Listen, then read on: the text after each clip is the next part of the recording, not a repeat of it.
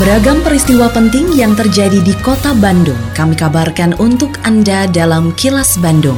Diproduksi oleh LPS PR SSNI Bandung yang disiarkan serentak oleh 39 radio anggota PR SSNI Bandung.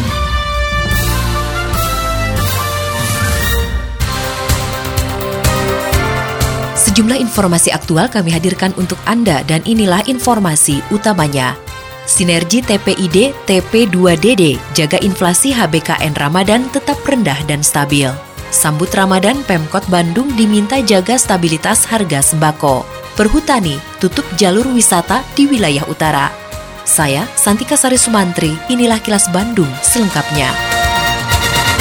Tim Pengendalian Inflasi Daerah atau TPID bersama Tim Percepatan dan Perluasan Digitalisasi Daerah atau TP2DD se-Jawa Barat berkolaborasi untuk menjaga stabilitas laju inflasi serta mendukung percepatan digitalisasi ekonomi. Kepala Perwakilan Bank Indonesia Provinsi Jawa Barat, Erwin Gunawan Hutapea, mengatakan sinergi ini merupakan langkah strategis untuk merespon potensi peningkatan harga pangan menjelang hari besar keagamaan nasional Ramadan dan Idul Fitri 1444 Hijriah. Menurut Erwin, salah satu bentuk dukungan Bank Indonesia antara lain melalui fasilitas biaya angkut komoditas pangan dan penyelenggaraan kegiatan operasi pasar yang telah dan akan dilakukan lebih luas lagi di sejumlah kabupaten kota di Jawa Barat. Program terkait dengan pengendalian inflasi, terkait dengan keterjangkauan harga, operasi pasar ini akan digiatkan, khususnya harga makanan pokok. Termasuk kita juga melakukan hal-hal yang kaitannya dengan sidak pasar. Tujuannya adalah untuk memastikan agar komoditas-komoditas tertentu jelang Ramadan dan Lebaran ini tidak terjadi anomali peningkatan harga. Kemudian terkait dengan ketersediaan pasokan, optimalitas kerjasama antar daerah itu lebih ditingkatkan. Karena kalau kita lihat potret Jawa Barat, secara keseluruhan neraca pangannya surplus. Tapi ada beberapa daerah yang berlebih, kemudian ada beberapa daerah yang defisit. Nah sehingga kalau daerah yang defisit dan daerah surplus ini bisa bicara, mudah-mudahan kerjasama yang sifatnya perdagangan intraprovinsi itu bisa ditingkatkan sehingga implikasi terhadap stabilitas harga itu bisa kita jaga. Untuk mengantisipasi dan kewaspadaan terhadap flu burung, Rumah Sakit Umum Pusat Hasan Sadikin atau RSHS Bandung selalu berkoordinasi dengan Dinas Kesehatan Provinsi maupun Kabupaten Kota. Pelaksana tugas Direktur Medik Keperawatan Penunjang RSHS Bandung, Zulfayanti menyatakan, pihaknya rutin melakukan sosialisasi pencegahan dan penata laksanaan dalam menghadapi kasus flu burung. Pasalnya penyakit flu burung menular tidak hanya dari unggas ke unggas, tapi juga bisa dari unggas ke manusia.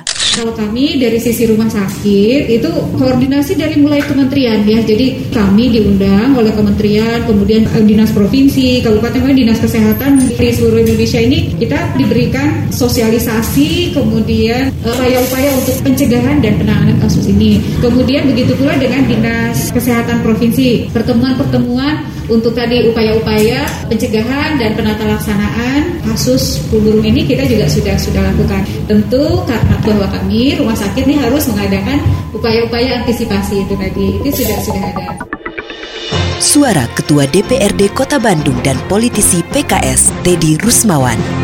DPRD Kota Bandung meminta pemerintah Kota Bandung untuk terus menjaga stabilitas harga sembako sehingga tetap terjangkau oleh seluruh lapisan masyarakat, terutama kalangan berpenghasilan terbatas. Hal tersebut disampaikan Ketua DPRD Kota Bandung, Teddy Rusmawan, dalam menyambut datangnya bulan suci Ramadan tahun ini yang akan segera tiba. Selain itu, Teddy juga meminta aparat keamanan Polri dan TNI untuk mengantisipasi segala bentuk kerawanan sehingga kota Bandung tetap kondusif. Politisi PKS ini juga mengimbau warga kota Bandung agar memanfaatkan bulan suci Ramadan untuk meningkatkan ibadah dan tetap produktif. Dalam rangka menyongsong bulan suci Ramadan 1444 Hijriah, kami meminta kepada Pemkot Bandung untuk terus menjaga stabilitas harga sembako sehingga tetap terjangkau oleh seluruh lapisan masyarakat, terutama untuk masyarakat yang berpenghasilan uh, terbatas. Kemudian juga kepada aparat keamanan, Polri, TNI,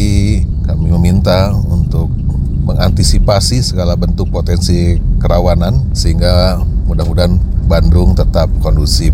Kami pun menghimbau kepada seluruh warga Kota Bandung, mari kita manfaatkan bulan suci Ramadan untuk meningkatkan ibadah kita sekaligus juga memperbanyak doa dan tetap produktif sehingga kita mudah-mudahan di bulan suci Ramadan tahun ini melaksanakan ibadah saum dengan penuh kehusuan kemudian kita juga semua mendapatkan keberkahan dari Allah Subhanahu wa.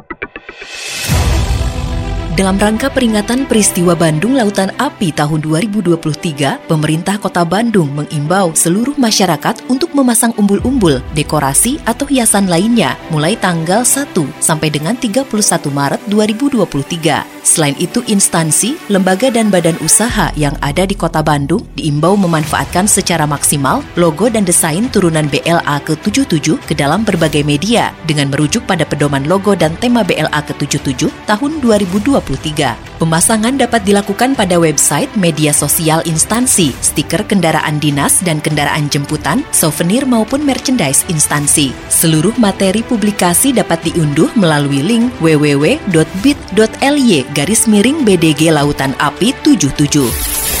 Pesan ini disampaikan oleh Dinas Sosial Kota Bandung. Kini, audio podcast siaran Kilas Bandung dan berbagai informasi menarik lainnya bisa Anda akses di laman kilasbandungnews.com. Imbas rusaknya lingkungan di kawasan wisata Ranca Upas, Kabupaten Bandung, akibat kegiatan motor trail yang berakhir ricuh, Perum Perhutani menutup jalur aktivitas off-road dan motor trail di kawasan hutan wilayah utara Bandung. Kepala Badan Kesatuan Pemangkuan Hutan atau BKPH Lembang, Susanto mengatakan, selain ditutupnya jalur, pihaknya juga tidak menerbitkan izin untuk agenda kegiatan off-road dan motor trail. Menurutnya ada empat akses pintu masuk ke kawasan wisata yang kerap digunakan kegiatan off-road dan motor trail. Semuanya ditutup hingga batas waktu yang belum ditentukan. Susanto menegaskan bagi warga yang gemar motor trail dan off-road untuk tidak memaksakan diri masuk ke kawasan hutan karena sudah ditutup dan apabila memaksa menerobos maka akan dikenakan sanksi tegas. Mohon maaf ke teman-teman penghobi motor trail dan off-road imbas dari Raja Upas kita tutup di wilayah utara juga. Untuk waktu belum bisa dipastikan ya sampai kapannya kita mungkin nanti nunggu arahan dari pimpinan lebih lanjut. Sebagai upaya lebih meningkatkan kesadaran terhadap manfaat wakaf sekaligus meraih keberkahan di bulan suci, Lembaga Donasi Wakaf Salman ITB meluncurkan program Ramadan selamanya. General Manager Wakaf Salman Bayu Rian mengatakan, dalam program tersebut mengangkat lima program bagi kesejahteraan umat, di antaranya wakaf kesehatan, pembangunan masjid, dan wakaf pendidikan. Untuk program masjid, pihaknya tidak hanya renovasi dan rehabilitasi masjid, tapi juga pembangunan masjid di daerah Baduy, Banten, Papua, dan daerah terdampak bencana di Cianjur. Sedangkan untuk program kesehatan, pembangunan Rumah Sakit Salman Hospital yang sudah berjalan beberapa tahun, saat ini sudah siap memasuki pembangunan tahap pertama, yaitu Healthcare Unit. Di Ramadan tahun ini melaunching program Ramadan selamanya untuk mengangkat program-program wakaf. Ada lima pilar program yang kami fokuskan, yaitu program wakaf kesehatan, lalu ada program pembangunan masjid, pilar program ketiga yaitu program wakaf pendidikan. Kami tahun ini akan memulai program pembangunan Rumah Quran Salman. Program berikut berikutnya program wakaf air uh, tahun sebelumnya alhamdulillah lebih dari 50 tempat telah kami bantu mulai dari pipanisasi dan pengemburan sumur dan yang terakhir program wakaf kemaslahatan umat secara umum yaitu pembangunan jembatan dan juga pembangunan sarana prasarana uh, umum lain. Assalamualaikum warahmatullahi wabarakatuh. Sampurasun, salam pariwisata. Dalam rangka meningkatkan promosi pariwisata, Disdukbar Kota Bandung selalu menghadirkan informasi terkini perihal kebudayaan, pariwisata, dan ekonomi kreatif dengan media yang digunakan untuk Instagram Live dilakukan setiap hari pukul 11 siang, 1 siang, dan 4 sore. Dan untuk siaran radio reguler dilaksanakan setiap hari Jumat pada pukul 13.30 di Radio Sonata FM. Dan untuk konten foto, video, serta konten lainnya ada pada Instagram tic.bandung. Dan buat Anda yang ingin mencari informasi informasi secara langsung dapat mengunjungi kantor Turis Information Center di tiga lokasi. Lokasi pertama di kawasan Masjid Raya Bandung, lokasi kedua di Bandara Hussein Sastra Negara, dan lokasi ketiga ada di Lobi Hejo 23 Pascal Shopping Center Bandung. Mari dukung kemajuan pariwisata di Kota Bandung dengan follow Instagram tic.bandung. Hatur nuhun. Wassalamualaikum warahmatullahi wabarakatuh. Lindungi diri dari COVID-19 dengan selalu memakai masker saat beraktivitas karena pandemi belum usai. Tetap patuhi protokol kesehatan di masa adaptasi kebiasaan baru untuk mencegah penularan virus corona. Terima kasih Anda telah menyimak kilas Bandung yang diproduksi oleh LPSPR SSNI Bandung.